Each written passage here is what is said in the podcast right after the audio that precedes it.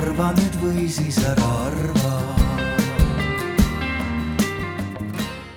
äh, sellel ei ole nagu mitte mingisuguseid äh, suuremaid äh, kasusid.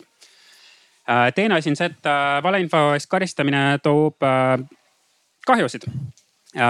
kui me vaatame praegu näiteks Eesti ühiskonda, siis on mingisugune seltskond ühiskonnas, kellel on väga väike usaldus riigi vastu ning nii-öelda näiteks ka meedia vastu, kõige muu selle vastu. ja need inimesed on pigem need, kes ka näiteks valeinfot võiksid levitada ning äh, seda tarbida. Äh, paraku juhtub niimoodi, et need inimesed ei arva alati, et nad valeinfot äh, levitavad ning ning võib-olla nendel on mingisugused ähm, teised alternatiivsed arvamused isegi kui need on faktiliselt valed.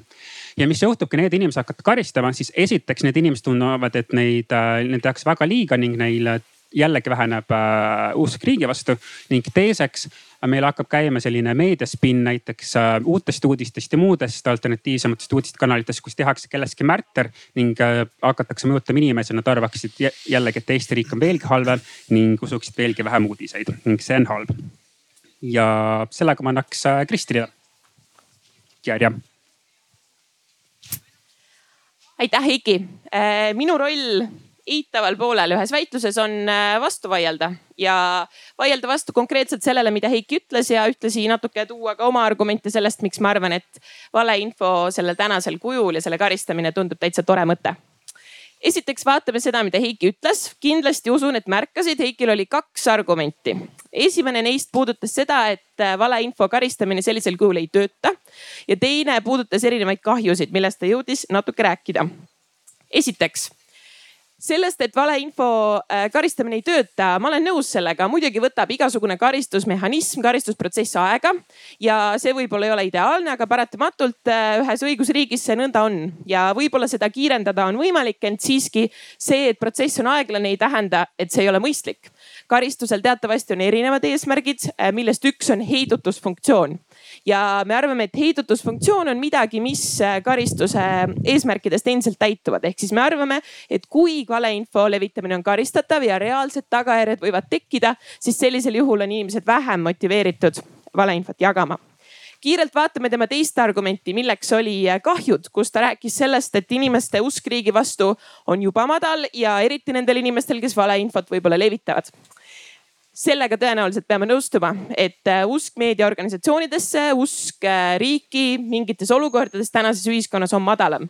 ja me arvame, et see on kindlasti probleem. küll aga me arvame, et samal ajal valeinfo levitamine legitimiseerib selliseid seisukohti veel enam, need saavad kandepinda, kõlapinda, neid jagatakse ja mida rohkem me näeme selliseid äh, seisukohti ühiskonnas ja avalikus meedias või ka sotsiaalmeedias, siis me suurendame kaja ja kõlakambrite teket ja me arvame, et see valeinfo tagajärjed suurenevad. ehk siis isegi kui me peame leppima sellega, et mõni inimene tunneb veel rohkem riigi vastu halvasti ennast, siis tõenäoliselt see halb tunne on juba, oli juba enne ja kehtib ka edaspidi. kiirelt sellest, miks mina arvan, et valeinfo karistamine on hea mõte on kolm põhjust, miks täna valeinfot äh, on väga palju. esiteks see, et äh, informatsiooni kättesaadavus on suurem kui kunagi varem. teiseks see, et äh, valeinfo jagamine on tõestatud viis, kuidas populistlikul teel endale saada valimistel hääli, ehk siis on poliitikuid, kelle motivatsioon on valeinfot jagada ja seda nad ka suuresti teevad. ja kolmandaks, valeinfo viimasel ajal on tõestatud viis, kuidas saada ärilisi eesmärke. sa saad valeinfo kaudu levitada informatsiooni, tänu millele sa saad äh, endale tulu teenida näiteks mingisuguste produktide müümisel või muul viisil. Nendel erinevatel põhjustel on inimestel palju motivatsiooni valeinfot jagada ja kaks põhjust, miks see väga hästi levib. esiteks see, et inimesed ei ole, noored eriti, aga üldiselt ka inimesed ei ole ette valmistanud valeinfoga tegelemiseks. viimaste PISA testi tulemustel äh, iga seitsmes Eesti viieteistaastane noor teeb vahet faktil ja arvamusel see tähendab, et ainult iga seitsmes noor suudab aru saada, kas see info, mis talle antakse, on teada tõestatud fakt või see on kellegi arvamus, millesse tuleks kriitiliselt suhtuda me arvame, et keskmine inimene ei ole võimeline valeinfoga igapäevaselt tegelema ja seetõttu tekivad tagajärjed. see, et valeinfo päriselt saab ära kasutada inimeste suhtes ja see tekitab ohtu ohtu me näe, oleme näinud juba näiteks siin koroonapandeemia ajal, oleme näinud erinevates riikides populistlikel eesmärkidel. see oht ei ole enam see, et kellelegi ei meeldi, oht ei ole enam see, et see on kurb või kahju.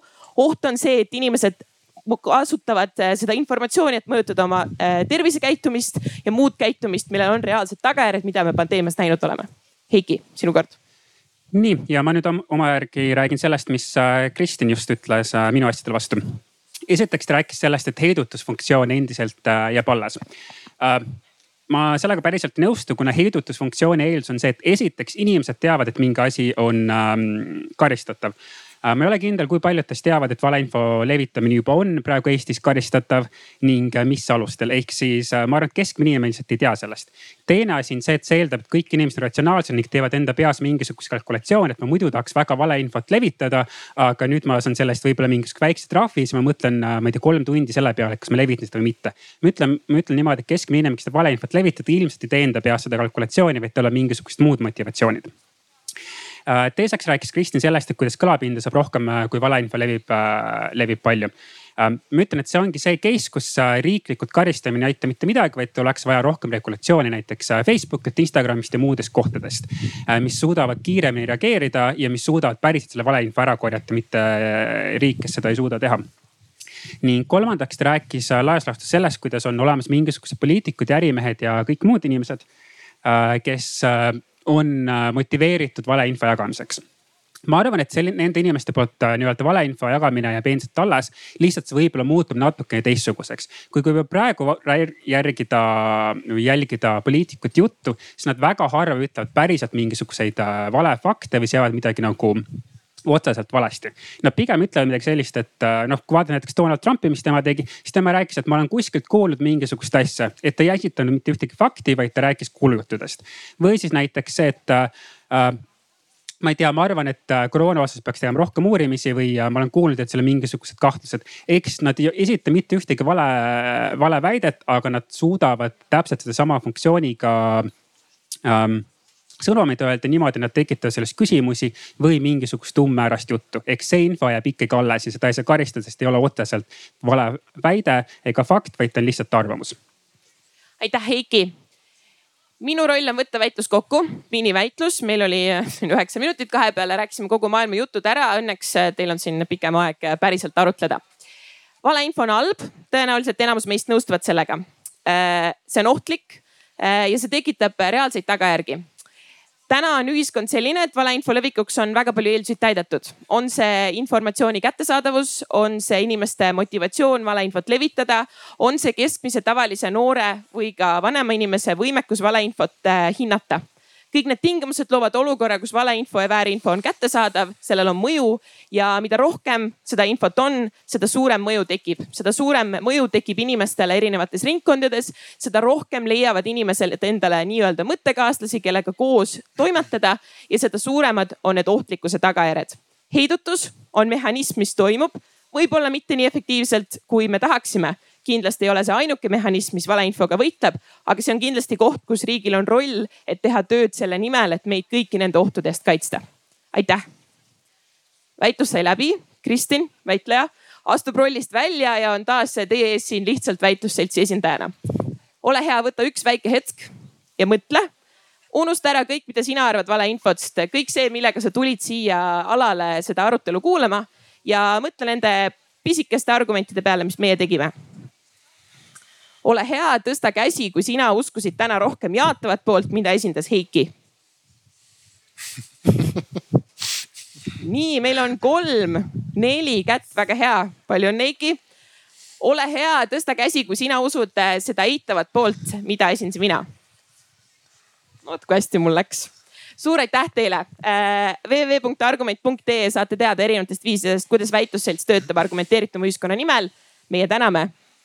üle teile aitäh väitlejatele! Ja me hakkame siis oma paneeliga ka peale.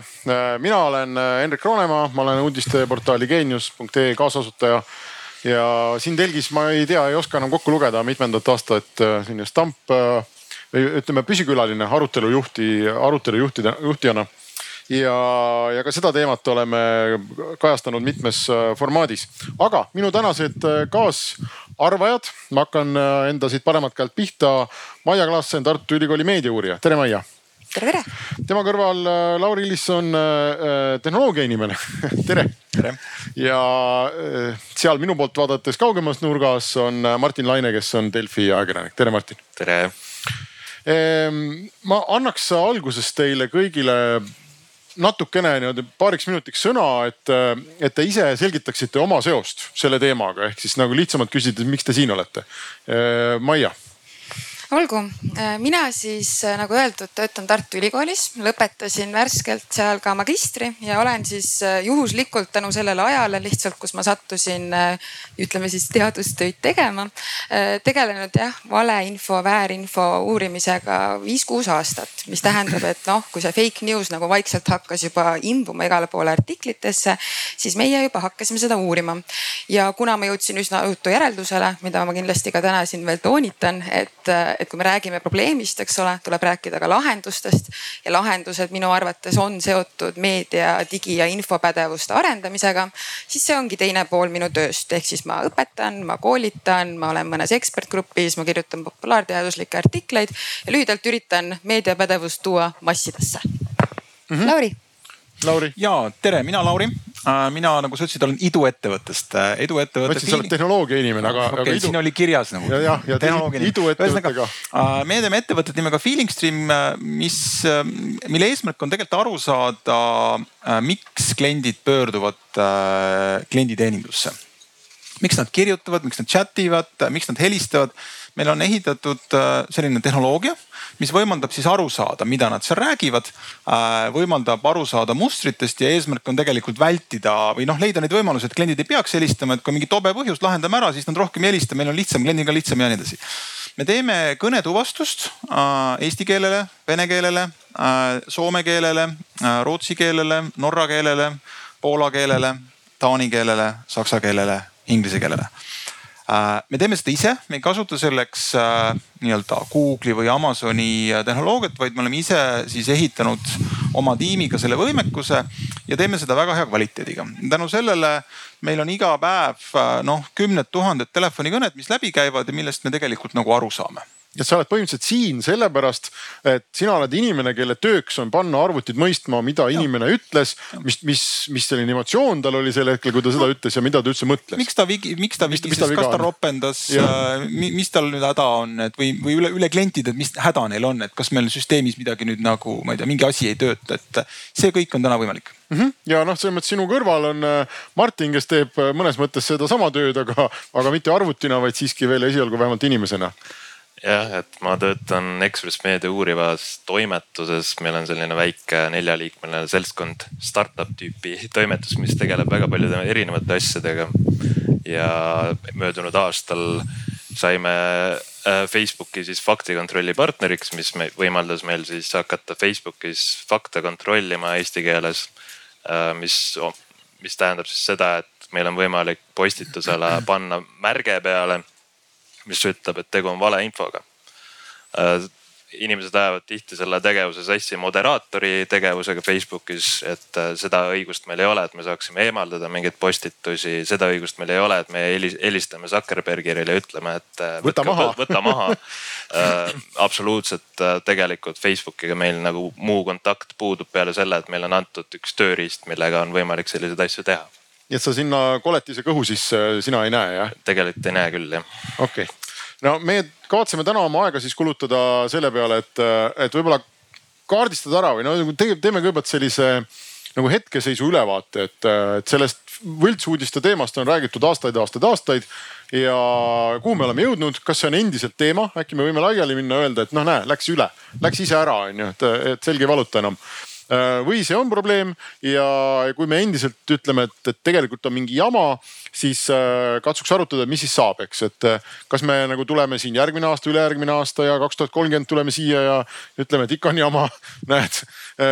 või õnnestub midagi teha ja kas need tegijad on sellised Martini-sugused, kes võtavad hommikul Facebooki lahti ja vaatavad, mis õudseid asju jälle kirjutatud on või äkki äh, on hoopis masinad, on ju, kes, äh, kes suudavad eraldada siis tõde ja mittetõde ja, ja irooniat ja paroodiat ja, ja tõde ja nii edasi või, või kuidas see või äkki me peaksime hoopis äh, koolitama välja järgmised põlvkonnad meediatarbijaid, kes saavad ise maagiliselt aru, kui vaatavad asjadele otsa, ütlevad ei, ei, et siin on mingi jama.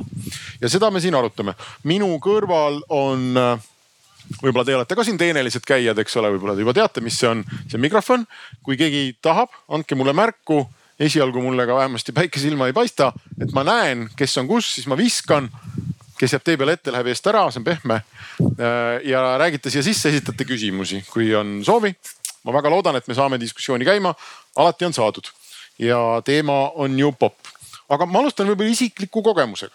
nimelt parandage mind, kui ma eksin, aga kui hakkas see inimeste vaktsineerimine ja vaktsiinid tulid turule ja nii edasi, siis äh, vahendati igasuguseid uuringuid selle kohta ja, ja üks number, mis käis järjepidevalt, mitte isegi number, vaid selline nagu tõde või ütleme fakt, mis käis läbi järjepidevalt, oli see, et, et vaktsineeritud inimesed võivad küll nakatuda, aga see kaitse nagu raske haiguse vastu on peaaegu sajaprotsendiline.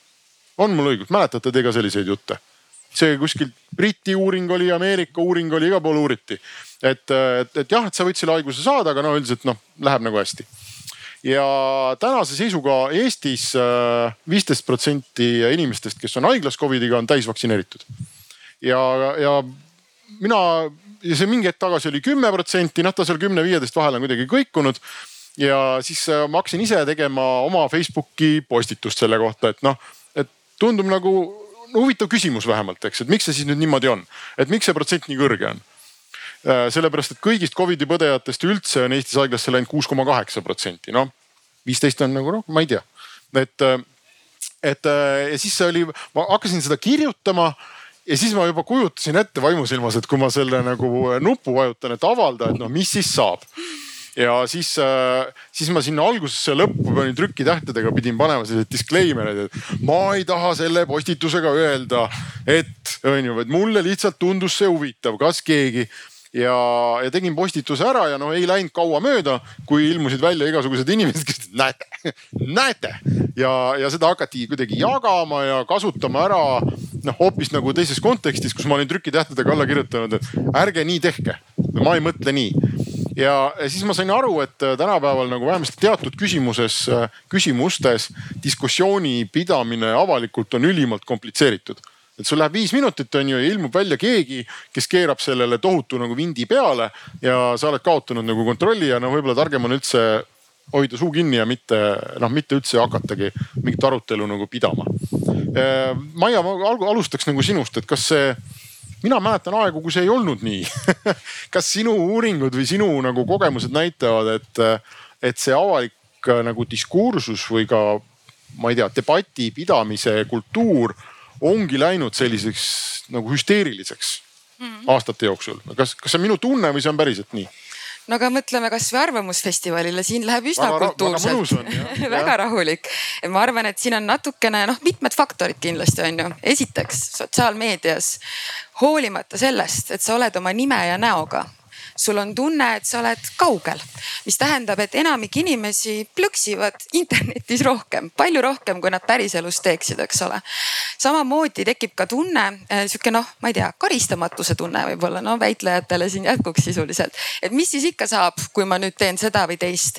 et USA-s on küll eh, päris palju juba, eks ole, seda, et võetakse kellegi mingi tweet või Facebooki post ja öeldakse, et näed, sina ei sobi riigiasutust juht, juhtima.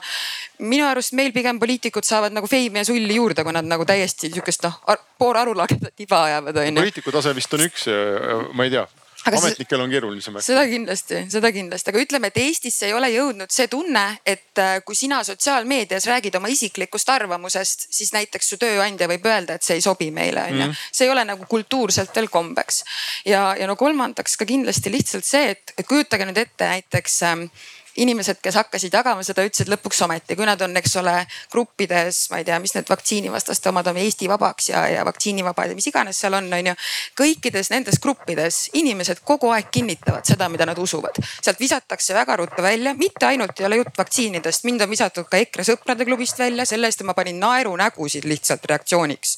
juba see oli piisav sihuke vastuhakk, et mind heideti sellest inforuumist välja. ja nüüd, kui sa istud seal gruppides ja kõik kogu aeg like räägivad, kiidavad, sul on nii õigus ja kõik, kes erimeelel on, visatakse välja, siis inimesed ei oska enam toime tulla sellega, et tegelikult me arvame täiesti erinevaid asju, aga sellest hoolimata meil on näiteks ühist see, et meid mõlemad huvitab see teema piisavalt, et kommenteerida. selle asemel on kohe sõda. see on hästi selline nurgeline jah mm. -hmm. Martin, sina oled, kas sa loed üles, kelle, kelle teenistuses sa nagu erinevate inimeste arvates oled või et sa, sa kindlasti ei ole iseseisev ja sa kindlasti ei mõtle ise yeah.. ma, ma, ma ka endise nii-öelda tegevajakirjanikuna tean, et ma olen ka igasuguste jõudude teenistuses olnud inimeste arvates.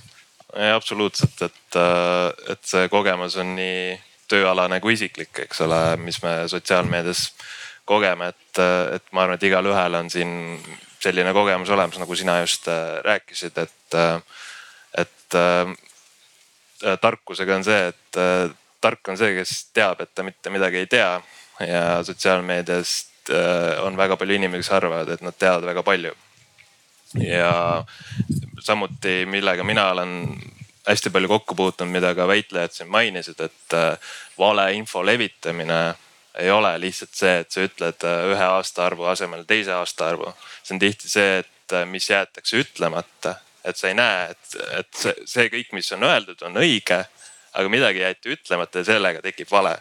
või, või just seesama kuulujutu tasandil, et meil on siin teatud äh, isikuid, kes küsivad hästi palju küsimusi, mis on nagu ebapädevad küsimused, lollid küsimused, öeldakse, et lolle küsimusi pole olemas, need on lollid küsimused ja sellega tekitatakse noh, et suudetakse juba selliste signaalidega, selliste äh, lünkadega, selliste asjadega luua uut valeinfot lihtsalt inimese peas, mitte. see on nagu müra, müra põhimõtteliselt, eks jah. jah, et, et, et see ongi hästi keeruline kuidas mingid sõnumid seal vastu võetakse, et see ei ole lihtsalt see äh, tekst ja sa loed seda teksti, vaid see, kuidas seda teksti tõlgendatakse, see, mis seal kommentaariumis all toimub, et mõnikord on postitus ise hästi viraalne aga kommentaarium on täis seda, seda õudset ohtlikku valeinfot ja näiteks minu töös, kui me paneme selle postituse valeinfoks, siis need kommentaarid jäävad sinna ikka alles. eks siis sellest pole ka kasu, et kui me üritame jõuda selle suurema küsi-, küsimuseni siin, et mis teha tuleks, et minusugused seda probleemi ära ei lahenda kindlasti no Lauri, sina ei ole äh, meedia nagu tegija, eks ole, sa ei ole ajakirjanik ja sa ei ole ka meedia uurija. ma siis pöördun sinu poole kui meedia tarbija poole, et kui sa teed äh, ükskõik mingi meediakanali Delfi või Facebooki või jumal teab, mille teed lahti. mis tunne sul on, kas sul on nagu tunne, et sa noh, et sa saad nagu mingi pildi ette ja et see, et sa saad infot või, äh, või sa vaatad seda kuidagi läbi. tead, mul on jumala okei okay tunne. see, mis mina näen selle oma selles mullis, see on täitsa okei okay aga kui ma nagu vaatan nagu, mida teised näevad, siis mul tekib nagu hirm tuleb nahka. aga sa mõtled, ega Delfi on ikka sarnane nagu kõigile? no ütleme, Delfi on sarnane, kui sa vaatad. Facebooki, siis nagu ma pärast räägin, aga minu jaoks nagu sulle vastuseks on siin nagu tegelikult nagu kolm asja, et siin on nagu. esiteks noh, seesama vaktsineerimise näites, et pagan, maailm on palju keerulisem, kui me arvame, kui me teame kui me tahaksime uskuda, et ta on. ja me lihtsalt tahame, et, et me, et see asi oleks hästi lihtne, sest me saame lihtsatest asjadest aru mul on sihukest näide, mida ma tahaks pärast nagu, nagu küsida. aga siis... ikka teeme kohe ära. okei lihtne, lihtne näide äh,, väga lihtne küsimus äh,. Äh, mis on kiiruse valem, oskad mulle öelda? peast, no kui kiiresti sõitsid Tallinnast siia? sa tabasid mind ootamatult. ma ei, ei oska praegu, sest no, ma olen nii-öelda. tee pikkus jagatud ajaga. okei okay.. on niimoodi. see on mingi kilomeetrit tunnis, no seitsmes klass on ju. aga kas see on täpne? Kas mina pean jälle vastama? ma ei, ma ei taha vastata su küsimustele. ma ei tea, ma õppisin koolis, kui sa nii väidad, et äkki on. aga mis sa keskkoolis õppisid? mitte räägiti sulle ka, sulle, sulle räägiti ka algkiirusest ja sulle räägiti kiiru, kiirendusest, kui sa mõtled reaalselt autoga sõidad siin nagu maantee peal, lapatus käib alla üles, alla üles, alla üles. no on ju nagu ei ole ju niimoodi, et nagu tee pikkus jagatud ajaga, et see on, see on ühtlaselt liikuva keha äh, kiirus. Mm -hmm. aga, aga see ei ole ka täpne. mis see tegelikult täpne on? Ma ei tea no.. ma hakkasin praegu mõtlema kvantfüüsika peale, kas me üldse oleme olemas. füüsikat, siis mis seal on täpne no kes ütleb ära, õige vastus. kas on mõni, keegi õpilane esimese kursuse füüsikat? Ei no ei, see on eraldi teema Li. kiirus on tegelikult liikumisvõrrandi esimene tuletis äh,. kui te õpite füüsikat ülikoolis, noh ja nüüd on näide sellest, kuidas ma vaidlen sinuga, kui sa ei tea, mis on kiiruse valem. mitte ainult seda, ma ei tea üldse mitte midagi, mul tekkis järsku tunne. samast, et maailm on tegelikult kiir, oluliselt kiir, kui ma ütlen, et, et kiirus on esimene tuletis li, li, koordinaadist, siis mis asi tuletis on, mis see koordinaat on? no ühesõnaga, meil on nii erinev taust, kust me hindame, aga hullult hea on mõelda, et kuule tulin Tartust või sealt äh, Tallinnast, sada kilti on Paidesse vist ja kuule tunni ajaga, et kuule sada kilti tunnis vist oli. et teatud perspektiiv see sobib, aga see ei ole täpne. Aga kui me läheme nüüd nagu sinna vaksimise tulemuse ja, või vaktsineerimise tulemuse ja asjade juurde, siis, siis me ei saa olla nii ebatäpsed, me ei saa olla nii lihtsad, aga noh nagu siin näide oligi, siis, siis tegelikkuses me tahame, et ta oleks lihtsam. ja nüüd nii lihtne on öelda, et nagu noh, sest kuna sa ei tea ju, mis on tegelikult õige valem ega samas me üldse ei tea, no me üldse ei tea, mis on, on õige. see on esimene näide, ehk tegelikult maailm on keerulisem, kui me tahaksime. teine mure on see, et äh, meil on seal arvamus et mul on ju arvamus, mida ma, ma ütlen, kas on õige või vale. mul oli tunne, muide, kui me täna sõitsime siia, ma võin sulle öelda, ma ei tea, mis mu kiirus oli, aga mul oli tunne ja kõigil autos olijatel oli tunne, et jube kiiresti läks.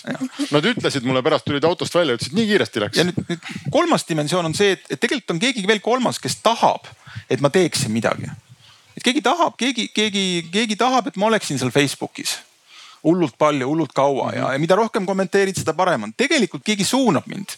ja, ja nüüd see koosmõjus on minu meelest see, mis tegelikult paneb mind või paneb meid ja meie nagu kaasteelisi nagu, nagu noh, tegema asju, mis tegelikult nagu kaugelt vaadates võib tunduda jaburad okay,. aga, aga seal sees olles hullult tahaks. aga no, aga sa ei saa ju lähe- või ma ei tea muidugi, aga kas sa tõesti lähened igale oma päevale äh,, igale meedia tarbimise nagu hetkele niimoodi, nagu sa mulle praegu räägid? ma arvan, sa, sa teed noh, sa pead võib-olla otsustama varsti näiteks, et ma ei tea, et kelle poolt hääl anda valimistel või, või et kuidas sulle tundub, et ma ei tea, mis majandusotsuseid teha, kas võtta laenu, osta uus kodu, on ju et sa ei saa ju, sa ikkagi, sul peab ka tekkima mingi tunne, kui sa seda meediapilti vaatad ja, ja enamus asju, ma arvan, noh, kui ma paneks siia mõne majandusteoreetiku sulle vastu, siis te aegsite hulluks üksteist. tema arvab, et sina ei tea midagi, sina arvad, et tema ei tea midagi, eks ole.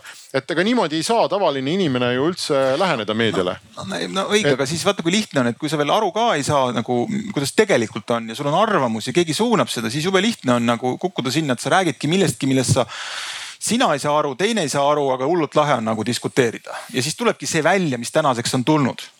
et suurem, üks osa inimesi usub midagi, mis keegi veenvalt räägib, aga tegelikult see noh, ei vasta nagu tegelikult tõele aga see ei ole ju tegelikult ainult äh, ka selle küsimus, et, et noh, tavaline inimene meedias, ka meediauurija ei jaksa teha kõigele, mida ta tarbib, faktikontrolli. Hmm. meie info tarbimine on üle mõistuse, see ei ole praktiliselt võimalik, ma peaks töölt ära tulema, kui ma hmm. tahaksin kõiki Instagrami poste ja, ja nagu artikleid kontrollida.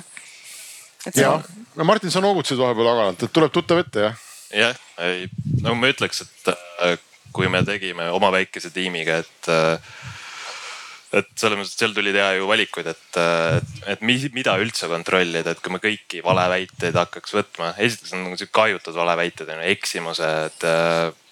aga on siis ohtlik, ohtlik valeinfo, mis on äh,, ma ei tea, mingite mürgiste ainete müümine, mis iganes, et äh, seal ta, taga on tihti ka sellised äh, finants, finantspõhjused, miks neid äh, levitatakse, et, et ühesõnaga tuleb teha valikuid ja nende valikute tegemine on väga subjektiivne äh, asi, et äh, ma ütleks, et umbes üks protsent äh, sisust oleme me nii-öelda kontrollinud kas vastab tõele või mitte, ülejäänud üheksakümmend üheksa protsenti on ka vale. Et, et, et see, et see võib-olla selle fakti kontrollimise üks nõrkus, nõrkuseid, natuke mikrofoni oma. nõrkuseid on see, et, et me ei ütle ju, mis on õige kui me ütleme, mis on vale, siis tekib õigustatud ootus, et, et, et need asjad ongi valed. aga, aga tegelikult ju keegi peaks siis justkui ütlema kõigile, et, et kõik need asjad on valed ja, aga seda inimest ei ole olemas, et sellist võimekust ei ole. seda ei saagi olla, eks vaata see valeinfo või ütleme petturite, šarlatanide, soolapuhujate, noh juba need sõnad ise on arhailised, mida ma kasutan, on ju. et see ei ole ju nüüd mingi viimase kümne aasta jooksul tekkinud äh, probleem eks, aga, aga see, miks me siin istume mitmendat aastat ja sellest räägime, on see, et, et tehnoloogia, nagu Sten Tamkivi armastab öelda, võimendab, on ju number üks eesmärk, mida ta üldse teeb. ta võimendab igasugu asju ja ta võimendab tal on ükskõik, mida võimendada ja ta võimendab ka valeinfot, on ju. ja ma paneks siis püsi, küsimuse nagu püsti nii, et kas tehnoloogia on süüdi et kas selles olukorras, mis on nagu tekkinud, kas Zuckerberg on süüdi, kas me saame näidata näpuga ja öelda, et sina, sina oled süüdi?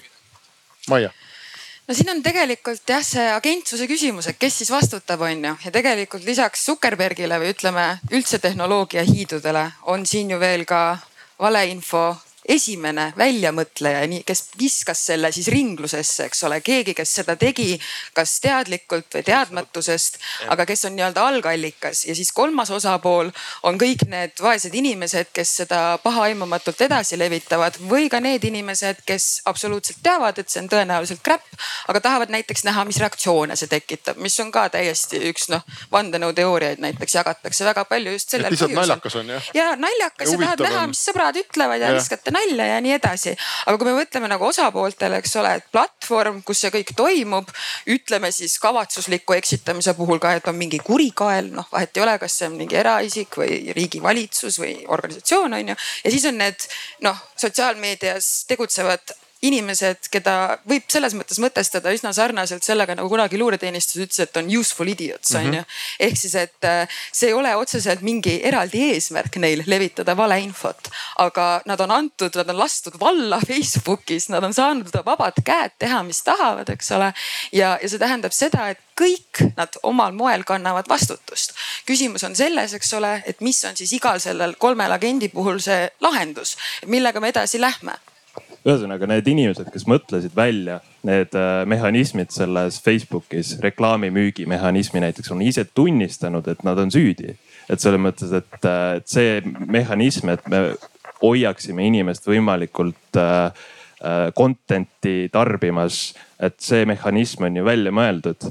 muidugi eesmärgiga müüa reklaami võimalikult kaua, võimalikult palju aga selle tagajärg on olnud see, et inimesed ümbritsevadki end sellise infoga, mis neile meeldib, neile näidatakse seda infot, mida, mis neile meeldib ja seal ei ole nagu loodud mingeid filtreid, et see info oleks ka päriselt nagu kvaliteetne. Et äh, see filter on puudu sellest ja see on okay.. Äh, aga mina, mina mäletan äh, oma pikast tehnoloogia ajakirjaniku karjäärist, ma mäletan, kui need keskkonnad ja üldse see lähenemine hakkas tekkima. Ja nagu ikka tehnoloogiaga, see mõte oli hästi ilus nagu seda üritati noh aastaid sünnitada. see oli see niinimetatud personaliseeritud ajaleht on ju, mida ka Eestis aeti. et noh, kujuta ette, kas poleks tore, kui sa saaksid hommikul ajalehe ja see oleks nii-öelda ainult sulle asjadest, mis sind huvitavad noh, kõlab juba hästi, on ju. seda küll paberi peal ei olnud praktiline teha ja vahepeal minu meelest uudisteportaalid proovisid ka oma avakülgi teha personaalseks. vist oli ka Eestis, kui ma õigesti mäletan. ja siis sealt järgmine samm oli see, et et kui Facebook äh, tõi selle nii-öelda algoritmilise uudisvoo, eks, kus nad ütlesid, et kuule, et me ei suuda sulle näidata kõike kõike, mida su sõbrad teevad, aga me teeme veel paremini, et me teeme niimoodi, et me, me näitame sulle asju, mis sind päriselt huvitavad. et me teame, me vaatame, mida sa like'id, me vaatame, mida sa loed, et äh, me teeme Facebooki sulle paremaks läbi selle, et me noh, näitame sulle asju, mis sulle tunduvad olulised, eks, ja peidame ebaolulist. see on ju jube hea kõik, eks. et kus see siis nagu valesti läks?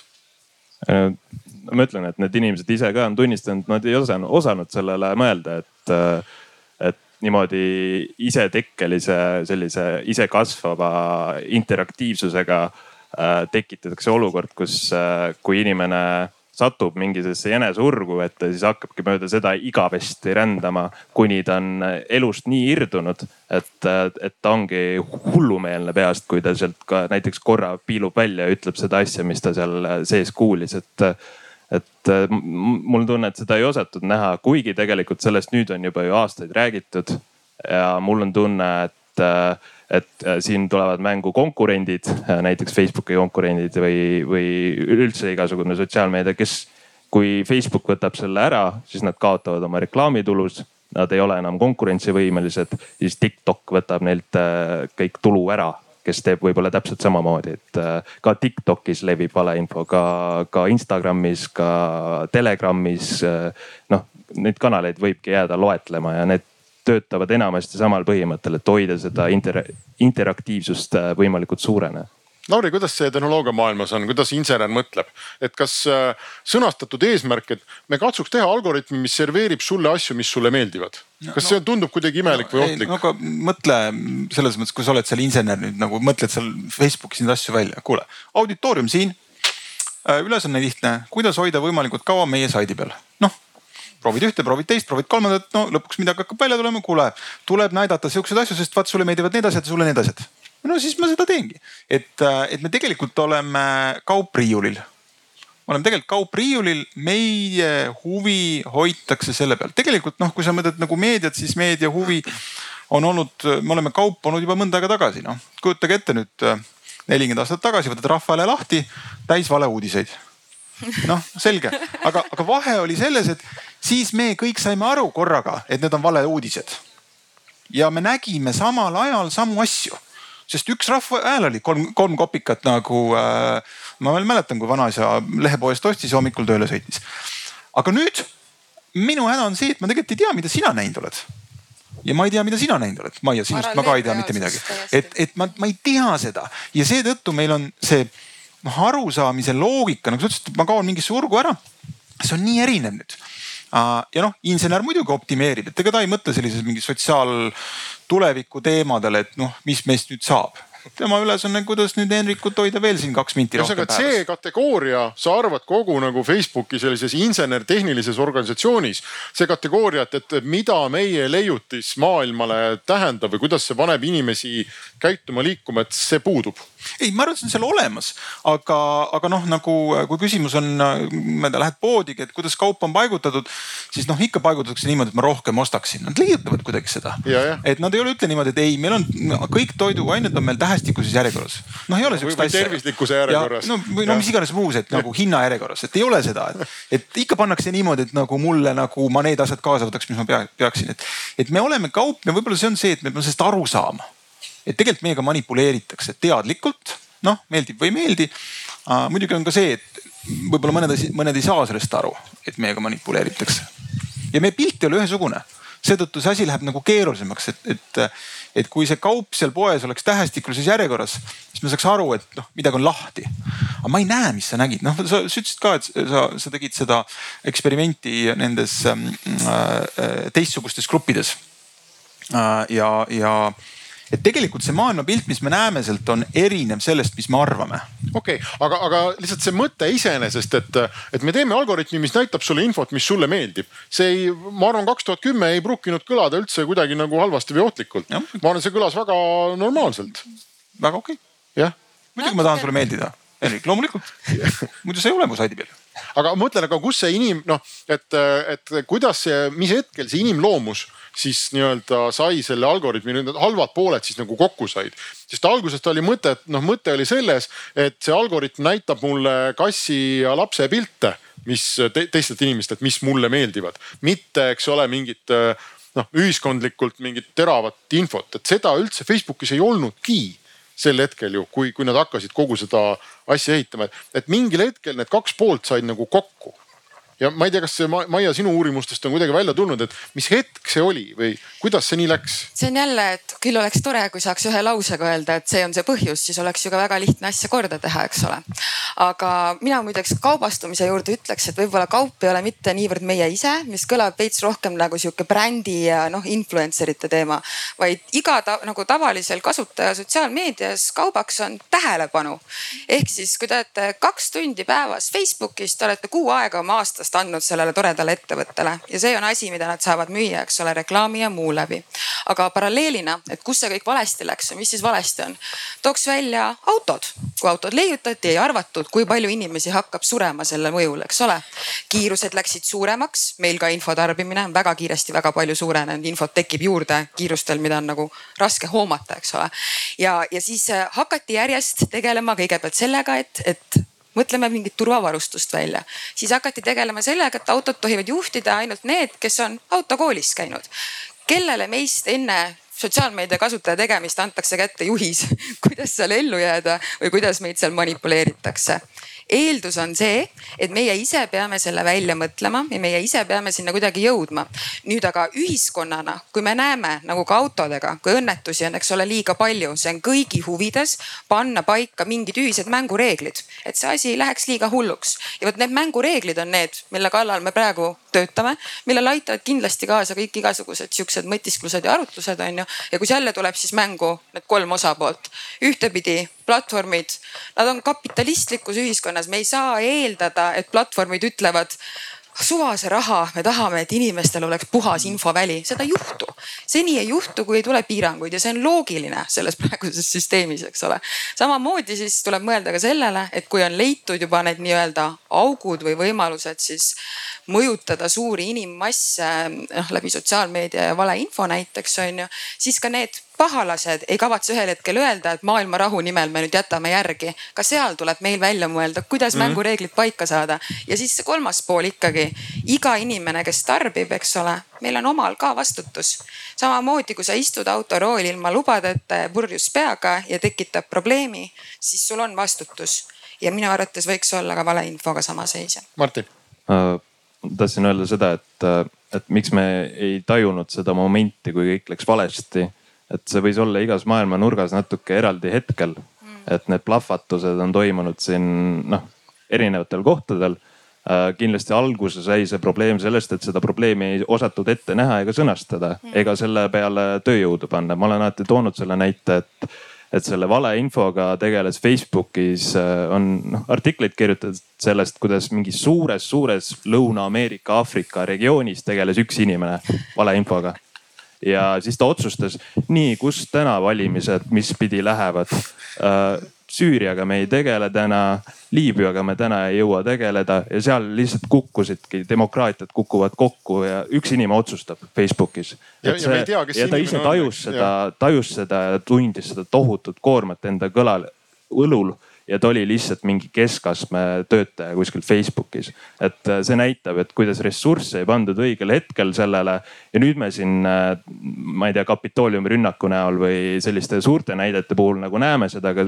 mingid diktatuurlikud äh, ühiskonnad kasutasid Facebooki nagu enda nii sedasama süsteemi, seda content'i püsimise, noh seda tähelepanusüsteemi kasutasid juba ammu ära enda, enda nagu hüvanguks, et, et see, et see on toimunud eri aegadel eri, eri moodi, kohati täiesti teadliku nagu sellise no me rääkisime ka siin Vene trollidest ja sellistest asjadest, et see on ju täiesti küberrelvaks muutunud mm -hmm. tänapäeval, et, et ja see on ju tegelikult noh, see on, seda tajuti juba aastaid-aastaid tagasi Lauri, teeme kiirkursuse, kuidas Facebooki algoritm töötab, selles mõttes, et mille järgi ta otsustab, mida mulle näidata. ta tõenäoliselt vaatab, mida ma olen like inud, kus ma olen kommenteerinud.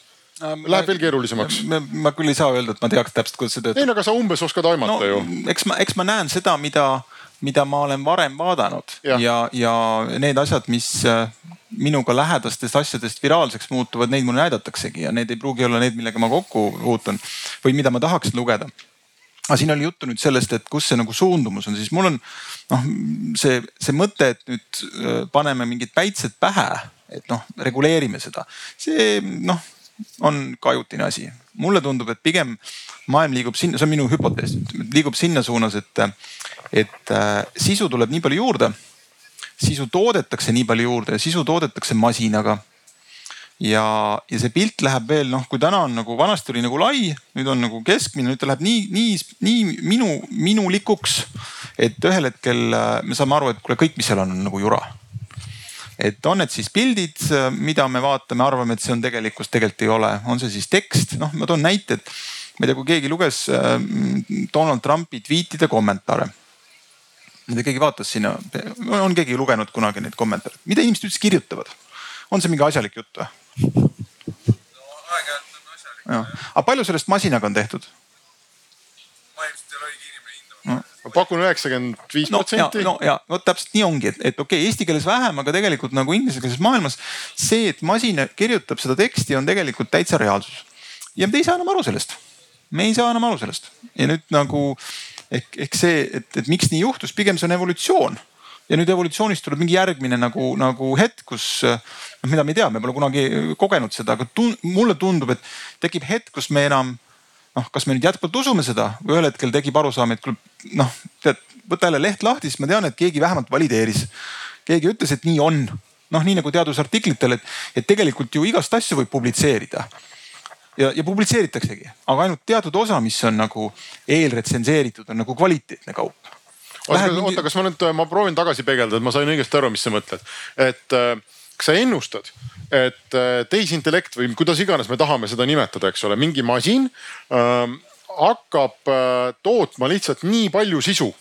Igast artikleid, kommentaare, ai mõtleb pilte välja, teeb sümfooniaid, eks ole, kõike. et, et seda põhimõtteliselt kogu sotsiaalmeedia on odav seda täis paisata. mingi saab täiesti absurdses koguses, mida me isegi ei suuda ette kujutada. sa saad aru, et nagu sellel ei ole väärtust, sest see on nagu genetud, kui genereeritud nii suures mahus. et noh, nagu mis ma loen sellest?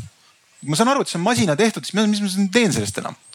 Et ma võin ju helistada telefoniga robotile, kes minuga tund aega räägib, noh ei ole mm -hmm. kasu sellest midagi. no sul on siis, ma saan aru, selline õhupalli lõhki puhumise nagu no, äh,. mulle tundub, et, me ei saa seda nagu kokku suruda. noh, võib-olla mõeld, mõeldakse reeglites välja, aga nagu maailma kontekstis seda ei saa, et see pigem liigub lihtsalt nagu sellisesse suunda, kus see asi läheb nii palju suuremaks. et me lihtsalt nagu noh, tekib mingi muu järgmine selline tunnetus, et ah, kuule, pole mõtet lugeda. okei okay,, Martin, kas tundub sulle usutav äh, võimalus? et sõna devalveerub nii kaua, kuni ta devalveerub. ja ütleme, need keskkonnad, kus ei ole inimese kontrolli äh, peal, äh, devalveeruvad, sest need on täis masinate toodetud jura, mida keegi ei viitsi lugeda.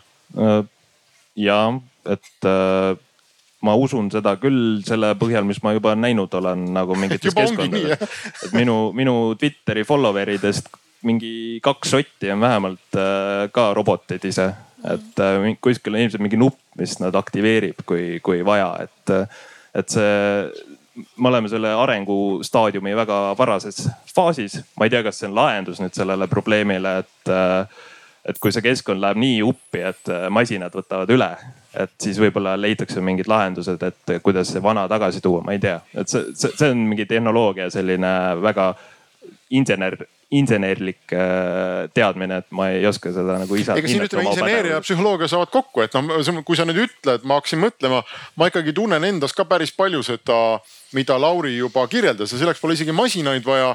mina ikkagi vaatan, et kui noh, et meil on sotsiaalmeedias on teatud hulk selliseid äh, elukutselisi sealviibijaid. mina ei tea, miks nad muud ei tee, aga neil tundub olevat nagu lõpmatu hulk aega käia, kommenteerida, vaielda. osad neist on poliitikud, osad neist tahavad saada poliitikuks, osad nendest olid poliitikud, aga nüüd on pahased. et äh, seal on noh ja, ja siis ma vaatan neid diskussioone ja mõnikord ma loen ja siis mõnikord, kui keegi kirjutab midagi, mille kohta mul on arvamus või ma näen, et see on vale, siis ma juba hakkan kirjutama ei sõbrad, ma ei lähe siia. ajage oma asja edasi, kui tahate, ma lähen teen midagi muud no, ja mõtle, minu, minu peal see töötab juba. sa võtad, sul on seal konfi-, konfigureeritud väike nagu bot, ütles, kuule vaida talle kogu aeg vastu. ja kõik, mis tuleb, kogu aeg paneb vastu, et mis ma ei jõua, tegelen oma ajaga, et mul on äpp selleks. assistent aitab mind, et, et noh, nagu, nagu kujuta ette, see on olemas kohe mm. -hmm. loomulikult sa kasutad, vaidle taga kuulge, aga see on ülipositiivne. see on väga positiivne tendents selles mõttes minu arust, millest te räägite, et kogu aeg ju on, on jutt ka olnud, et me oleme, ma ei tea, liimitud oma telefonide sotsiaalmeedia külge. meid on üle kavaldatud ja meie nõrkused on välja arvutatud. äkki tõesti kümne aasta pärast lähme me kõik sotsiaalmeediast ära, sest masinad võtsid üle ja meie tuleme õue jälle rääkima omavahel. mingi poliitikuga seal oh,, jälle see mees, kuule pane talle siin nagu noh, viiskümmend tsüklit läbi nagu, et noh, et oleks ikka päris kusjuures mitte ainult, ega temal oleks, saaks esitada ka sisutühje küsimusi, eks ole, mis on see sellise sabotööri käsiraamatu A ja B, et, et noh küsida, et aga kas teil see kiirusemõõtja ikka oli taadeldud. et paluks dokumente ja siis nad lähevad otsima, jah, Martin? ei, selles mõttes ju inimesed hääletavadki jalgadega, kes ikka tänapäeval Facebookis on nagu normaalsetest inimestest, et, et mina olen selle tõttu, et see on mu töö aga kui ma, see ei oleks mu töö, ma oleks juba jalgadega hääletanud ja sealt tuttu tõmmanud, sest see ei ole päris normaalne, mis seal toimub. aga võib-olla sa vaatad ka oma töö tõttu nagu ebameeldivaid asju mm.. äkki sulle Facebook kindlasti. oleks meeldiv, kui sa päriselt vaataks oma, seda, mis su sõbrad teevad ja uh,? Ei tea, kui no ma töötan meediaväljaandes, mis äh, paneb enda, mis, mis on Eestis ilmselt ühed enim jälgitud Facebooki lehed on ju, sada viiskümmend tuhat jälgijat äh, Delfil ja Postimehel samamoodi, isegi rohkem vist. et äh, ja kui vaadata seda sisu, mis seal toimub, et see võtab igasuguse tuju seal keskkonnas üldse edasi olla ära.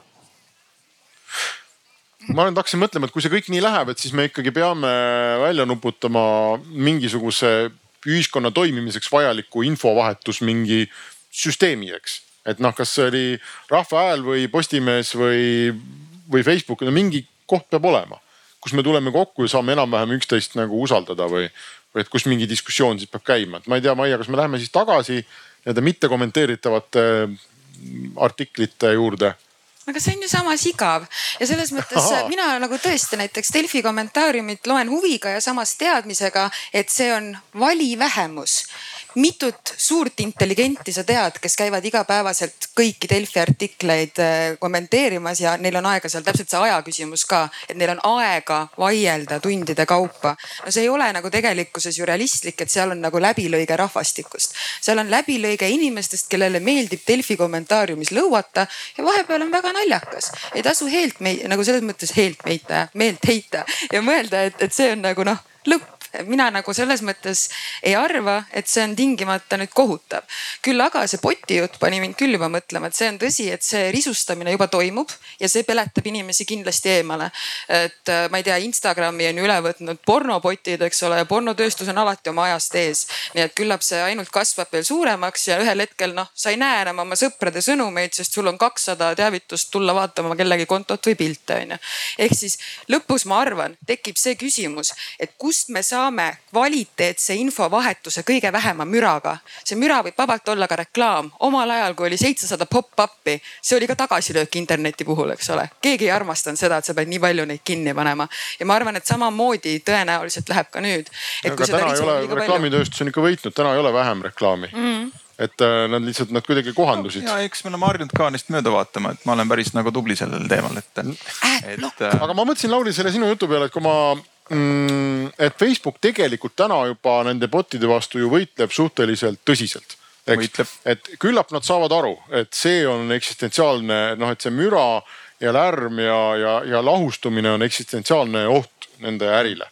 ja, ja teisest küljest, kui me nagu vaatame, et et mida, noh, mis käivitab inimesi, et mis sellele algoritmile siis meeldib, on ju, sest talle meeldivad, klikivad, like ivad, share ivad inimesed. ja mina arvan, et puht inimpsühholoogiliselt ei ole paremat viisi hoida inimeste enda juures kui üks korralik tülikäts ja, ja noh, selline noh, emotsioonid laes. aga no vaata, seal ongi see, et, et täna äh, kui kirjutab tavaline inimene, siis me saame võib-olla aru, et see oli tavalise inimese jutt. noh, kohe-kohe eesti keeles veel mitte, aga inglise keeles on juba sellise tavalise inimese teksti genereerib arvuti ka väga hästi. eelmise teksti põhjal natuke sisendit ja tuleb. olete näinud kindlasti neid näiteid. ja, ja nüüd ega siis, ega siis ega tuvastus ei saa ju aru, et kes seda kirjutas. kui see on piisavalt lihtne, siis on raske aru saada ja ühel hetkel nagu, kuna need asjad hägustuvad omavahel, siis ka Facebook ise ei saa teha vahet. kui see on väga mm. hästi teksti, masinaga teksti kirjutava äh, bot'i jutt versus lihtsa inimese tekst. kust ma teen vahet? ega no ühesõnaga, tegelikult neil on ka eks eksistentsiaalne probleem, et mida tehnoloog-, seda tehnoloogia arengut nad ise ju nagu suunavad. et kuidas nad tagavad selle, et, et, et need bot'id ei tule sinna või kuidas nad vahet teevad. tegelikult ongi, see ongi tegelikult mõnes mõttes ma arvan, mina arvan nende nagu ärimudeli languse, küll nad muidugi leiavad midagi uut, aga languse nagu algus mm. -hmm ma vaatan oma seda sinist pehmet mikrofoni siin, me oleme nüüd tund aega juba siin arutanud, et kui keegi tahab sõna sekka öelda. nii, seal on käsi püsti, ma katsun, alati on see kõige kaugemal jah, ma katsun nii visata, et kõik jäävad ellu kõik kuulevad mind, ja. ja sa pead hästi lähedalt sisse rääkima, aga kuuleme.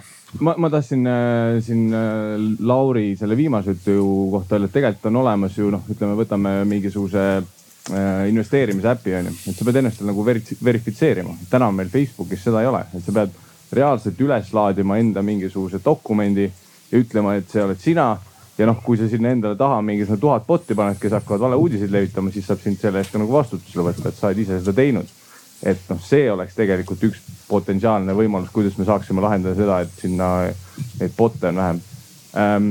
siis Maiale, ma arvan, et äh, see oli huvitav, mis sa mainisid, et kus nagu tekkis see olukord, kus me saime aru, et see bot'ide politiseeritus on nagu üle käte läinud. mina arvan, et see oli Cambridge Analytica ja kaks tuhat kuusteist. et see oli see hetk, kus kõik said aru, et oh-oh, nüüd on probleem, et me oleme jõudnud kohta kus me ei suuda enam kontrollida, kes see inimestele ideid pähe paneb, kas see on Facebook, see on mingisugune, ma ei tea, mingisugune kolmas tegelane ja sellega nagu muudetakse maailma, noh reaalselt on ju ja kolmas mõte, mis mul oli ja tegelikult siin ma tahakski rohkem teie kommentaare on just, just see, et äh, natuke kriitikat nüüd Arvamusfestivalile, aga see on tegelikult ka veits sihuke kõlakoda mm.. et me istume kõik siin noh, kes rohkem, kes vähem liberaalsete väärtustega koos on ju.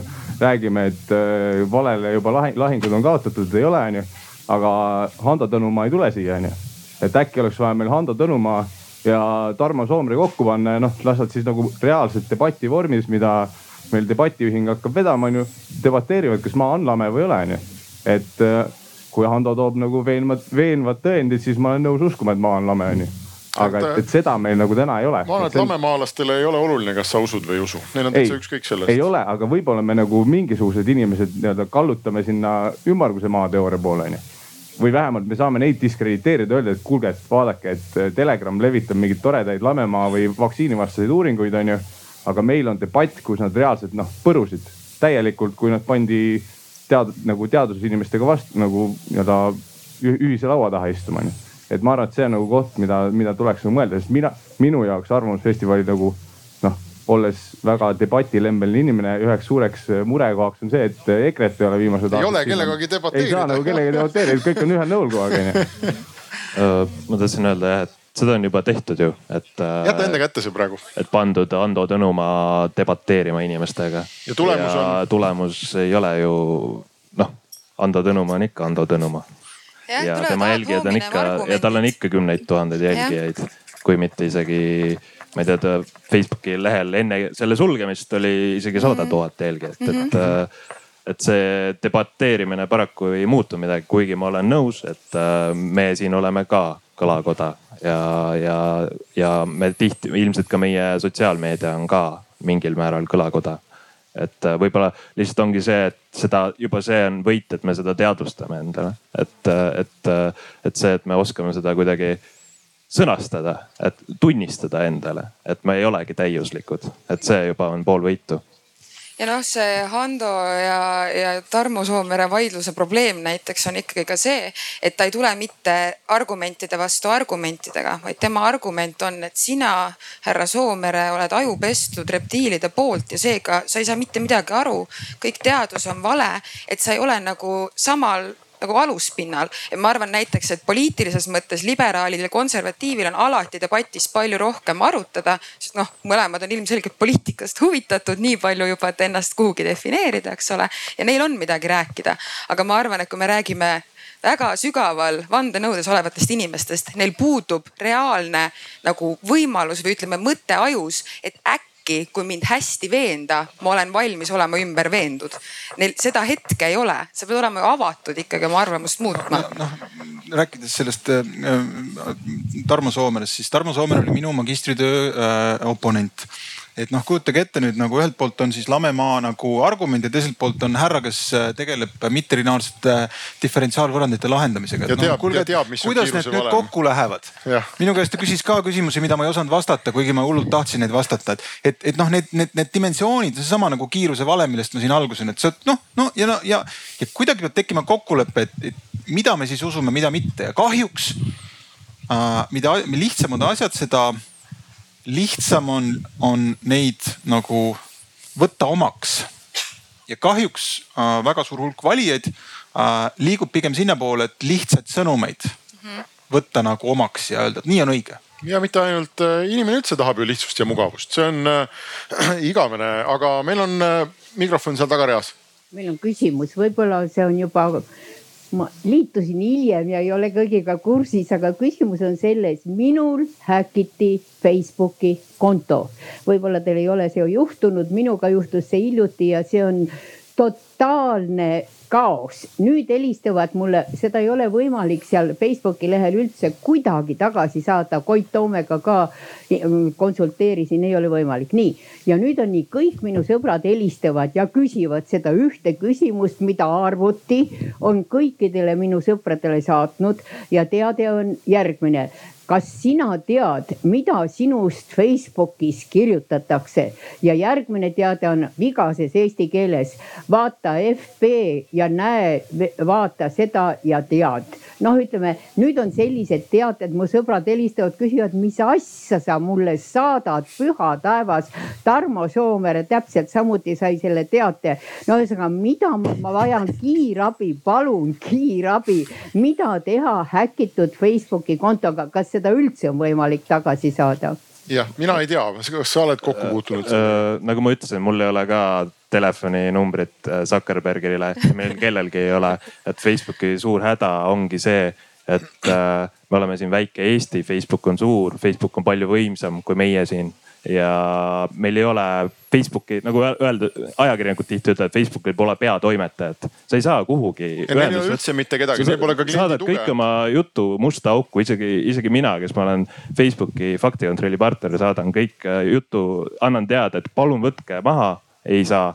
ja samamoodi siis rääkimata siis tavalistest inimestest meie keskel, kes, kes väga tõsise probleemiga võib-olla on silmitsi, et, et see konkreetne, ma tean, mul on ka sõbralistest neid, kes on mulle neid sõnumeid saatnud, see on tihti see, et sa avad mingi lingi ja siis ja. Äh, ta annab selle access'i su mingitele asjadele ja inimesed noh, et see, see, see, see on nagu üsna levinud asi, aga kui keegi päriselt ka su nagu päriselt varastab su konto ära et see võib ju olla tegelikult sinu elu hävitav, äh, hävitav nagu kogemus. selle kontoga, see on minu küsimus, milleks ta kasutab minu tööalaseid eelkõige pilte, mis ta teeb nendega, milleks seda on vaja? Tal seda sisu ei olegi vaja, ma arvan, ta kogub neid kontosid, tal võib-olla on neid sada tuhat tükki ja ta müüb kuskil need maha. keegi on vist mingi robot äkki, kes, kes no,. robot on veel kellegi nagu kratt, kellegi oma. see, see on jällegi näide sellest, et, et maailm on keerulisem, kui äh, me tahaksime nagu äh, teda pidada. tegelikult seal on Facebookil ju hulk soovitusi, mida tuleks teha, et ei juhtuks seda. aga noh, kui pikk on parool kas mul on seal äh, topeltkontroll telefoninumbri või mingi äh, see nii-öelda mitmefaktoriline autentimine. meie lihtsad inimesed ei ole juhendatud sellega. mul ei ole koolis öeldud, et hei, hei, parool võiks ikka olla nagu natuke pikem kui kuus tähte mm.. ja kui muud ei oska, siis kirjuta Juhan Liivi äh, luuletuse esimene rida sinna, see on ja. ka väga hea. korteri, korteri ukse ees on korralik lukk on ju, mitte, mitte. et, et meid ei ole juhendatud või, või, või nagu, et ja siis juhtuvadki ja nüüd siis kuna see noh riigi poole pöörduda ei saa, siis inimesed ongi õnnetud aga nagu nüüd me läksime juba küberturvalisuse diskussiooni, ma nägin, siin oli veel kellelgi, sinul oli küsimus. võta, võtaks selle sinise, tuleb.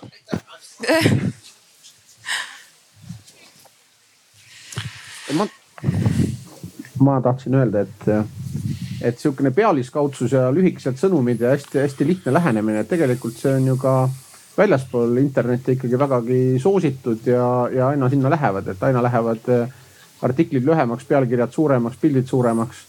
Ehm, kõik eh, poliitikud ja üldse arvamusliidrid kasutavad ju väljendit eh, talupojamõistus, et noh, vaatame seda asja talupojamõistusega, mis tähendab sisuliselt ju seda, et vaatame seda nii ruttu, et raputame veel pead ka ja siis see, mis me uduselt näeme, ongi tõde. ja, ja, ja noh, Kanemann on nimetanud seda vist kiireks mõtlemiseks, et, et on, et noh, see, see talupojamõistuse väärtustamine hästi pealiskaudsus, et sa, et kui sa vaatad peale, saad kohe aru, mis asi on õige või vale ja sellel ju põhinebki see, et inimesed ka ise treenivad ennast niimoodi mõtlema.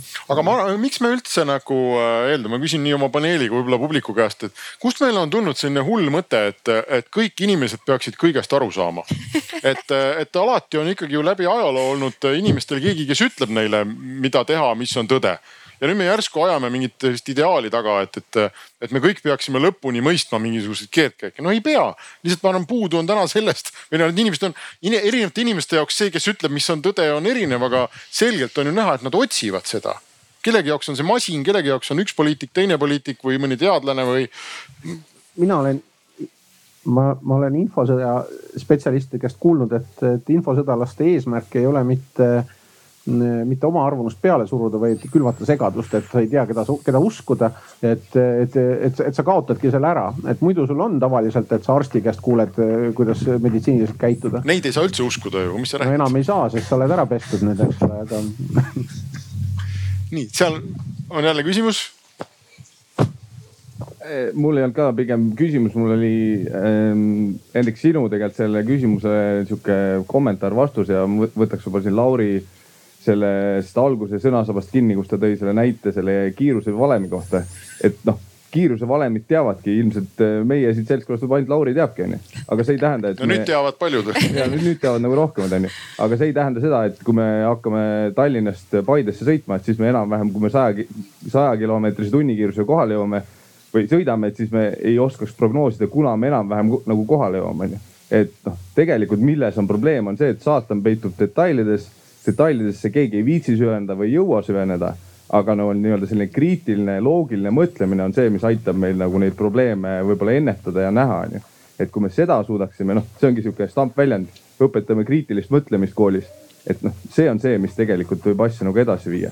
et me saame aru, et me ei peagi kõike teadma detailideni, et on olemas inimesed, kes seda teavad, aga meie saame nagu suuremast kontseptsioonist aru ja me või jah, täpselt, me peame neid usaldama, onju. Et äh, see oleks minu sihuke kiire mm -hmm. kommentaar kas on veel, ääred tahavad ka liituda seal?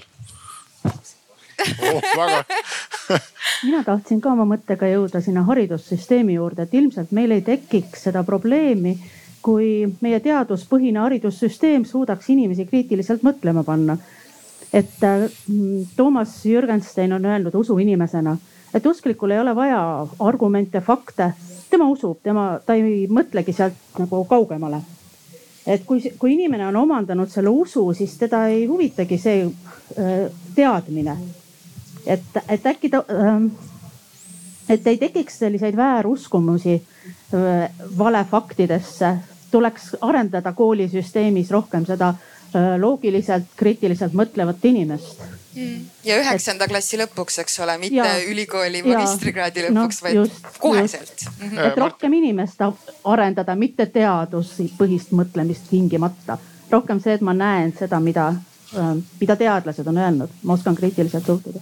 Ja selle hariduse osa peaks olema just seesama sotsiaalmeedia, digitaalne maailm et seda meie, minu, mina olen üsna noor inimene, minu ajal seda ei eksisteerinud, eks ole. seega on loogiline, et enamik inimesi ei ole sellist haridust saanud äh,.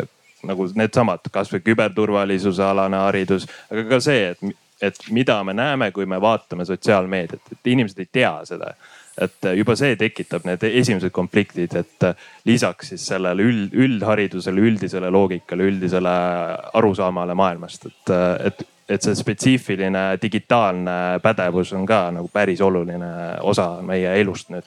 ja, aga meil ongi, eks ole, suures plaanis nagu kaks võimalust ennast sellest august välja kaevata. üks on see, et me õpetame inimestele, et, et noh, ära usu seda jura, eks ole. ja teine on see, et me õpetame masinaid tundma jura ära ja välja filtreerima. kumba pidi me läheme, Lauri, kas, kas masinaid saab õpetada? ja ei muidugi saab, muidugi saab ja, ja äh, aga noh, ka mingi maani, et vaata ühel hetkel, kui, kui äh, masinatuvastus on juba piisavalt hea ja inimesed ühest küljest nagu tuvastab, teisest küljest genereerib ka seda, siis ega. kuule, noh, ma ütlen, et Paides on täna lahe festival, noh, on, on see siis nüüd nagu äh, mingisugune kuidas sa tunned ära, et see on genereeritud või mitte, et, et, et seal selles mõttes tekib ka mingisugune tasakaalupunkt. Et kui see ühest küljest läheb nii heaks, siis teistpidi ei suuda seda nagu tuvastada aga ma olen nagu nõus sellega, et see kriitiline oskus aru saada, et mis on, mis on arvamus, mis on nagu fakt või et mis on lihtsalt nagu, et keegi pläras midagi, et need.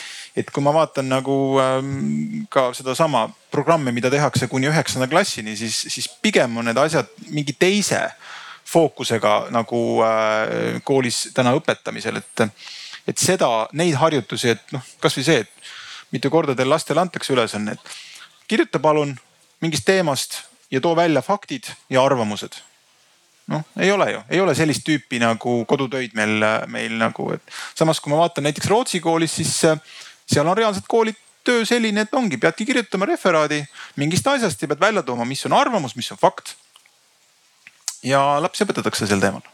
aga ma arvan, et see koolisüsteemi teema on, on nagu hea argument. Aga need, kes täna sealt koolist tulevad, need saavad, äh, noh enne neid on ju nagu noh, mis on siis kuueteistkümnendast kuni kaheksakümnenda eluaastani, neid on ju väga palju, mis me nendega teeme? et kuidas me neid juhime, sest noh, kõik on ju mõne päeva lõpuks valijad. seda ma ikkagi kuulan ja mõtlen, et, et kui mina ülikoolis ajakirjandust õppisin, et siis ka noh, fakt on, eks ole, ajakirjandust õppivale inimesele selline nagu majakas, eks ole, et see lüüakse kuhugi püsti ja öeldakse, et noh, alati kui sa oled eksinud, et, et noh, fakt mine fakti juurde, fakt näitab teed, et sa saad alati minna tagasi sinna, aga sellisele, seesama nelja, viie, kuue viimase aasta jooksul, kui on äh, täitsa käibesse tulnud äh, ka termin alternatiivsed faktid. ja, ja no ja te, aga tegelikult sellel on ju oma noh tõsi, tõsi ka nagu taga, et, et maailm muutub väga kiiresti, eks ole, nagu Lauri on täna kakskümmend korda öelnud ja väga õigesti, ongi keeruline. ja, ja mingi asja kohta noh, me ei teagi, täna on see fakt, homme lükatakse ümber, ülehomme ennistatakse ja siis tuleb mingi hübriidfakt. et, et fakt ei ole ka enam fakt nagu tänapäeval, et fakt on üks võimalus, kuidas asjad saavad olla. no see on näide sellest, kuidas ma saan aru, et Vene meedias äh, ei ole valesid, aga on äh, viis erinevat äh, siis äh, käsitlust, mis kõik on natuke vastuolulised. Ja nagu öeldud, et noh, segadust on vaja tekitada, et tegelikult ongi vaja tekitada olukorda, kus me, ma ei tea, noh, kõik tundub nagu on nagu, aga no, aga tegelikult meil on erinev pilt ja kas fakt peab üldse olema lõplik, äkki fakt ongi seni fakt, kuni ümber lükatakse, ma ei tea, kõige lihtsam näide. aga lükkab kes, maailm on lame, ütlen ma sulle, ma lükkan ümber selle fakti, et. no aga võtame mingi realistlikuma näite natukene kui uhuu, et näiteks vana hea miili jooksmine alla nelja minuti seda peetigi võimatuks, kuni see ära tehti. samamoodi koroonakriisis me saame uusi asju teada, see ei tähenda, et eelnevad uuringud valetasid. see tähendab, et tänu eelnevatele uuringutele on saanud teadlased sinna peale ehitada uut teadmist ja jõudnud uue arusaamani. et võib-olla on küsimus ka lihtsalt selles, et me ei peaks kohe minestama, kui mingisugune asi, mida me pidasime faktiks, on viis aastat hiljem midagi muud. maailm muutubki see on loogiline, et kõik asjad ei saa elu lõpuni jääda sama tõdemuse juurde, sest meie ümber kõik ju muutub see on väga ebameeldiv muidugi, sest et äh, õpid mingi asja selgeks ja, ja siis jälle, jälle peab hakkama kogu aeg nagu äh, muutustega kaasas käima. vaatan veel publikusse, kas on, äh, esiteks meil on mikrofon on seal ja on ka oh,, kõik jäid ellu. aitäh ma tahtsin korraks tulla tagasi selle fakti ja arvamuse ja haridussüsteemi juurde, et olen koolijuht, et, et ma lihtsalt ütlen, et et tegelikult me ei tea väga hästi, kuidas sedasorti kriitilist mõtlemist õpetada või peaks õpetatama, et ma olen siin aastaid äh, Arvamusfestivalil ringi käinud ja põhimõtteliselt üks asi, mis igalt lavalt ära tuleb, on kindlasti see, et seda peaks õppima koolis. Eh, lisaks praegusele ja parem kui üheksanda klassi või, või algkooli lõpuks saaks selgeks. ehk siis näiteks seesama fakti ja arvamuse küsimus, et viimase PISA uuringu üks vähem refereeritud tulemus on see, et eestlased, Eesti koolilapsed, viieteistaastased olid siis äh, täielikus tipus fakti ja arvamuse eristamisega, täielikus maailma tipus. umbes iga kümnes suutis kõrgemal tasemel seda eristada. See oli täielik maailma tipp. oota, kas maailma tipp on Ma... see, et kümme protsenti suudab eristada? kõrgel tasemel, selles mõttes okay. jah, just seal on noh, kuus taset need sellel jah, jah. ja, ja Rootsi ei olnud üldse nii hästi jah, nii et see küsimus, et kuidas õpetada sellist kvaliteetset kriitilist mõtlemist, kas seda peaks tegema noh, kriitilise mõtlemise harjutustega või hoopis noh, võib-olla hoopis mingisuguse hoopis klassikalisema, ma ei tea, Kreeka hariduse võtmes, et noh, ma tõin mingid mõtted nagu äärmused välja, see on tegelikult väga hästi kompleksne probleem. et noh, minu jaoks nagu haridustöötajad no, on saanud pigem selliseks küsimuseks see, et kuidas ka sellises avalikus diskussioonis arutleda rohkem selle üle, et, et kuidas selle komplekssusega toime tulla, kuidas tulla toime sellega, et me tegelikult ei saagi maailmast ühtmoodi aru. kuidas to tulla toime sellega, et, et, et inimesed usuvadki noh, täiesti meie arvates täiesti absurdseid asju või ka mingisuguse noh, ekspertide konsensuse arvates asju, et kuidas selle nagu määramatusega toime tulla. et, minu jaoks on nagu see, see hoopis peamine küsimus et mitte kuidas lahendada määramatust, vaid kuidas toime tulla. et, et ühesõnaga, et see jääb meiega nagu niikuinii, et me ei lähe lihtsamasse nii-öelda maailma enam tagasi. me peame kuidagi õppima sellega toime tulema. just. või noh, ütleme, et jah no komplekssusega toimetulijad on ju masinad, see, nemad ongi selleks meil välja mõeldud. kas, kas sina, ma ikka mõtlen aeg-ajalt, kui ma siin igal aastal käin, siis ka igas diskussioonis me kuidagi jõuame nagu selleni, et ma saan avalikult jälle mõtiskleda äh, kõva häälega, et, et kas on võimalik ikkagi kogu see protsess nagu mingil hetkel masinatele üle anda? et, et, et noh, on, ongi, tõde on väga palju ja tõde on pigem võib-olla tõenäosus ja kui me kujutame ette näiteks AK-d keegi räägib midagi ja siis all jookseb selline ai genereeritud nagu tõenäosuse sihuke meeter. et, et asjad on nii, nagu ta väidab, kaheksakümmend kaks protsenti. seal on nagu see inimlik moment ka, et noh, on ju tehtud näited, kus äh, äh, nii-öelda äh, füüsiline diktor diktor Roonemaa asendatakse äh, animeeritud äh, diktoriga ja ma ei tea, Hiinas mingid telekanalid, no mida sa vaatad sellest, noh, seal ei ole ju, seal ei ole inimest ju. et noh, nagu filme saab toota kohutavas koguses, ikka lähed teatrisse. me tegelikult tahame seda inimest näha, me tahame seda nagu vahetut nagu. ei, las ta on lihtsalt, et see, mida ta parasjagu ajab, et noh, kuskil on nii-öelda siis ongi nagu faktikontroll, aga, aga Martin ei jõua seda teha, eks ole. vaid et on äh, miljon Martinit, kes siis äh, kogu aeg vaatavad, et kas minister ajab jama või ei aja. ja selles mõttes muidugi. väga kiretult näitavad all. noh, kui, mis on selge, sa ei saa, äh, noh, sina suudad teha ühte asja korraga, okei okay,, kaks, võib-olla kolm. aga masinat saad sa nagu nii-öelda dubleerida ja. väga mitu korda ja see ja. on see, et see noh, mis minu jaoks on nagu küsimus, mida võiks ka võib-olla arutada, on see, et, et tegelikult seda juhivad ju mingid inimesed. juhivad mingi osa, noh manipuleerib kujundlikult, on see siis Facebooki algoritmi insener või, või hoopis mitte, mitte insener ise, kes selle programmi kirjutas, aga noh, tal oli ju keegi ütles, et tee nii. siis kes meil seda täna juhib ja, ja, ja kes need on ja, ja kui palju me teame neist tegelikult?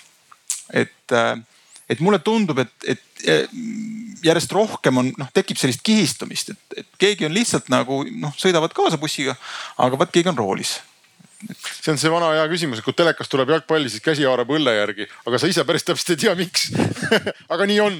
no ja, aga kui sa, nüüd, kui sa nüüd mõtled, et noh, seesama näide, et, et äh, jalgpalli EM oli, mina istusin, vaatasin, et noh, päris head reklaamid seal aga selgub, et, et võib-olla kõrvalmajas nähti hoopis midagi muud või ma ei tea, kõrvalriigis. et. sa mõtled muid reklaame või? ei, ei seesama, et noh, et nagu see, et näidatakse mingeid vahereklaame, ma saan aru, need on erinevad, aga jalkamängu ajal mehed seal jooksevad, sebivad, higistavad ja siis seal taga on need paneelid, sama kaamera, aga erinevad reklaamid, et noh kuule, kui see täna on võimalik, siis nagu kuidas ma tean siis, et veebis see ei ole võimalik. noh, pärast president peab kõnet, ühes telekas on ühes ruumis, teises telekas on teine ruumis.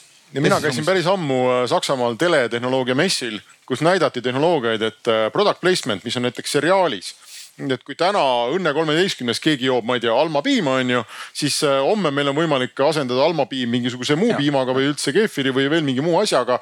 ja vastavalt sellele, eks ole, et kes siis mingil hetkel nagu maksis. või, või äkki on hoopis su nägu seal ära vahetatud et kas see nii-öelda nägude vahetamise tehnoloogia on täna juba nagu nii kaugel, et, et teatud tarbijaskond tegelikult ei tee vahet enam kas see olid tegelikult sina? Ja ma hakkasin praegu mõtlema selle sinu jalka näite peale, et kui mängivad äh, Venemaa ja Soome ja Euroopa Liidus võidab Soome, aga Venemaa teles võidab Venemaa et mis, kus me siis kokku lepime, mis see fakt on ja kuidas me seda jama siis lahendama no, hakkame no,? ka näiteks no,. selle jutu kokkuvõtteks võib ju öelda, et, et me võime neid lahendusi välja mõelda tehnoloogia toel, aga on neid inimesi, kes kasutavad tehnoloogiat selleks, et nendele lahendustele vastu hakata.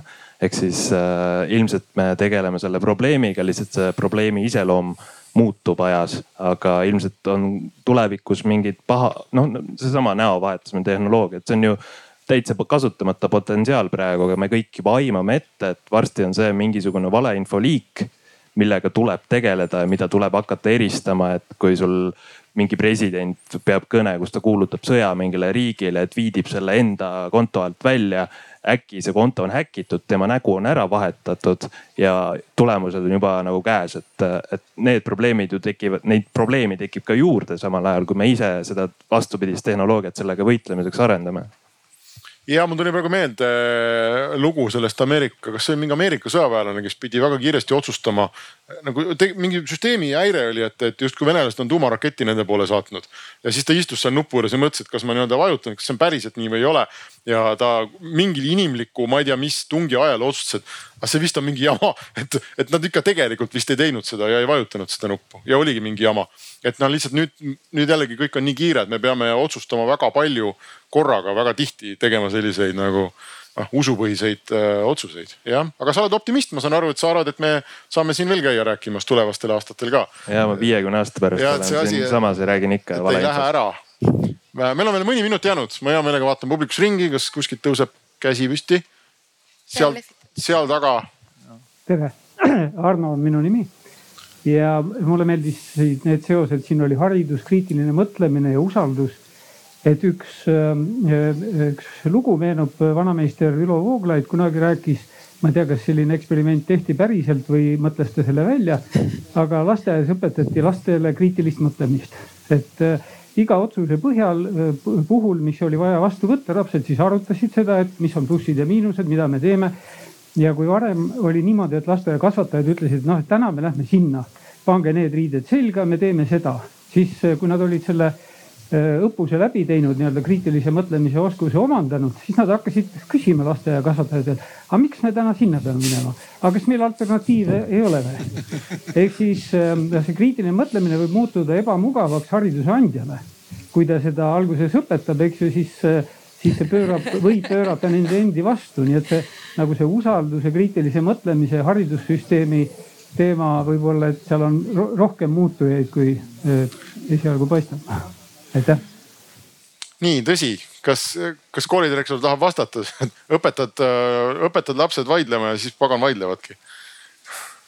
Ei no eks see dilemma on muidugi alati, aga ma noh, ma arvan, et see usalduse küsimus on nagu laiemalt, et noh, me, me tegelikult ei taha ka, et, et meil käiks inimesed ringi ja ütleksid, et aga no tõestagu see Soomere meil siin, et maa ei ole lapik, et noh, et see usalduse küsimus on ka nagu laiemal, laiemal tasandil, et noh, ja, ja mina võiks öelda, et, et me ei saa eitada, et on vaja ka propagandat, et, et usaldame eksperte. Mm. Noh, et ei saa alati nii-öelda ratsionaalselt, äh, kriitiliselt mõeldes jõuda mingisuguse mõistliku konsensuseni Mm. ja siis on vaja järgmist propagandat, et ka ekspert võib eksida, et ta ka alati ei tea, mida ta räägib, eks. mõtle kriitiliselt. ja faktid võivad muutuda, ühesõnaga oleme alguses tagasi. see on väga hea koht, kus äh, meie poolteist tundi kokku võtta. aitäh kõigile, kes vastu pidasid ja soovin meeldivat päeva jätku. selge see, et ega tundi kõike teha.